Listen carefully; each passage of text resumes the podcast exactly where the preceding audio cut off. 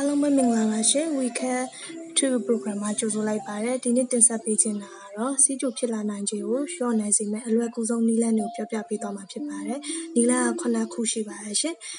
ခန္ဓာကိုယ်ရဲ့အစီအပိုကိုလျှော့ချရပါမယ်။ကိုယ်အလေးချိန်များနေပြီ၊ဝနေပြီဆိုရင်ဆီးချိုဖြစ်လာတော့မယ့်အန္တရာယ်ကြီးနေပါပြီ။အဲဒါကြောင့်ကိုယ်အလေးချိန်၂.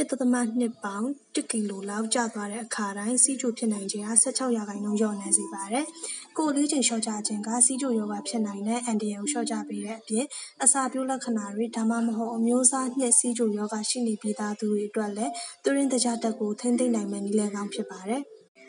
ဒုတိယအချက်ကတော့ အသီးအရွက်များများ ကယ်လိုရီနည်းတဲ့အစားတွေကို စားပေးရစားပေးရပါမယ်နော်အသီးနှံနဲ့ဟင်းသီးဟင်းရွက်မျိုးစုံများများစားပါဒါပေမဲ့ trans trans fat များရဲ့အစီပြေဝစီနဲ့တကြားတက်ပါဝင်များတဲ့အစားအစာတွေရောရှောင်ရပါမယ်ကိုယ်ခန္ဓာကိုယ်ကလိုအပ်တဲ့လောက်ကိုပဲစားဖို့တတိပြုပါစိတ်ရှိတိုင်းမစားပါနဲ့အသီးရွက်အသီးတသီးတွေနဲ့ဂျုံပြောင်းနှံတို့များများစားပါအစီမပါတဲ့နှုတ်ထွက်ပစ္စည်းနဲ့အစီမပါတဲ့အသားတွေကိုပဲရေးချဲပါ ကာဗွန်ဟိုက်ဒရိတ်တွေကသကြားဓာတ်အဖြစ်ပြောင်းလဲနိုင်တာကြောင့်ကာဗွန်ဟိုက်ဒရိတ်စားသုံးမှုပမာဏကိုသတိထားတွက်ဆရပါမယ်။ထမင်းတနပ်နဲ့တနပ်ကိုပမာဏတူအောင်ချိန်ဆပါ။သင်ဟာအင်ဆူလင်ထိုးဆေးသုံးနေတယ်ဆိုရင်တော့ဒါမှမဟုတ်ဆီးချို ထိန်းဆေးတောက်သုံးနေရသူဖြစ်ရင်တော့ဒီအချက်ကအရန်အရေးကြီးပါတယ်နော်။နောက်တော့တတိယတစ်ချက်ကတော့ရေတောက်ရပါမယ်။အချိုတက်ခဲတဲ့တောက်ဆရာတွေကအဝလွန်ခြင်းစီးချိုယောဂါတို့နဲ့ဆက်နွယ်နေတယ်လို့သူတေသနာတွေကဖော်ပြကြပါတယ်။ဒါတွေကိုတောက်မဲ့အစားရေကိုပဲတောက်ပြီးအန်ဒီရဲ့အဆင့်ကိုရှော့ချနိုင်ပါတယ်။စတုတ္ထအချက်ကတော့လှုပ်လှုပ်ရှားရှားနေပါနော်။ကိုယ်လှုပ်ရှားမှုမရှိခြင်းကစီးချိုဖြစ်နိုင်ခြေကိုတိုးစေပါတယ်။လှုပ်ရှားမှုက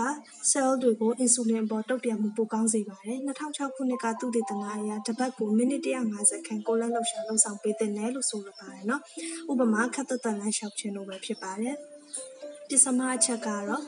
စိတ်ဖိစီးမှုကိုလျှော့ချပါစိတ်ဖိစီးမှုကသွေးတွင်းတကြားတက်ကိုမြင့်တက်စေတဲ့ဟော်မုန်းတွေကိုအများပြားထွက်ရှိစေပါတယ်စိတ်ကိုနှစ်မြုပ်ပြီးတရားထိုင်ခြင်းကစိတ်ဖိစီးမှုကိုဖြည့်ရှင်းနိုင်စွမ်းကိုတိုးတက်စေပါတယ်ကိုယ်လက်လှုပ်ရှားမှုနဲ့လူမှုရေးအားပေးဆောက်ရှောက်မှုတို့ကလည်းစိတ်ဖိစီးမှုကိုတက်တာလျော့ပါစေပါတယ်နော် ဆထမအချက်ကတော့အေးဝဝအိပ်ပါကာလရှည်အေးပြတ်တာညဘက်ကောင်းကောင်းအိပ်မပျော်တာတွေကစီးကြိုနဲ့အဝလုံဖြစ်နိုင်ခြင်းကိုပိုများစေပါတယ် နောက်ဆုံးအချက်တွေကတော့ဆေးလိပ်ဖြတ်ရပါမယ်စီးကြိုကြောင့်နှလုံးရောဂါမျက်စိရောဂါလေဖြတ်ခြင်းကြောက်ကဲ့ရောဂါသွေးကြောဆိုင်ရာရောဂါအာယုံကြောထိခိုက်မှုရောဂါနဲ့ခြေထောက်ထိခိုက်မှုပြဿနာတွေကိုဖြစ်လာနိုင်ခြင်းပိုများစေနိုင်ပါတယ်။တင်အားဆေးလိပ်တောက်တတ်သူဖြစ်ရင်ဒီအချက်တွေခံစားရနိုင်တဲ့အန်ဒီရဲ့ပိုများနိုင်ပါတယ်။နောက်ဆုံးကတော့ဆရာဝန်နဲ့မှန်မှန်ပြရပါမယ်။အမျိုးအစားနှစ်စီးကြိုရောဂါရဲ့လက္ခဏာတွေကအမျိုးအစားတစ်လောက်မသိတာပဲရှိတတ်တာကြောင့်ဆရာဝန်နဲ့ပုံမှန်ပြဖို့အရေးကြီးပါတယ်နော်။အားလုံးကျေးဇူးတင်ပါတယ်။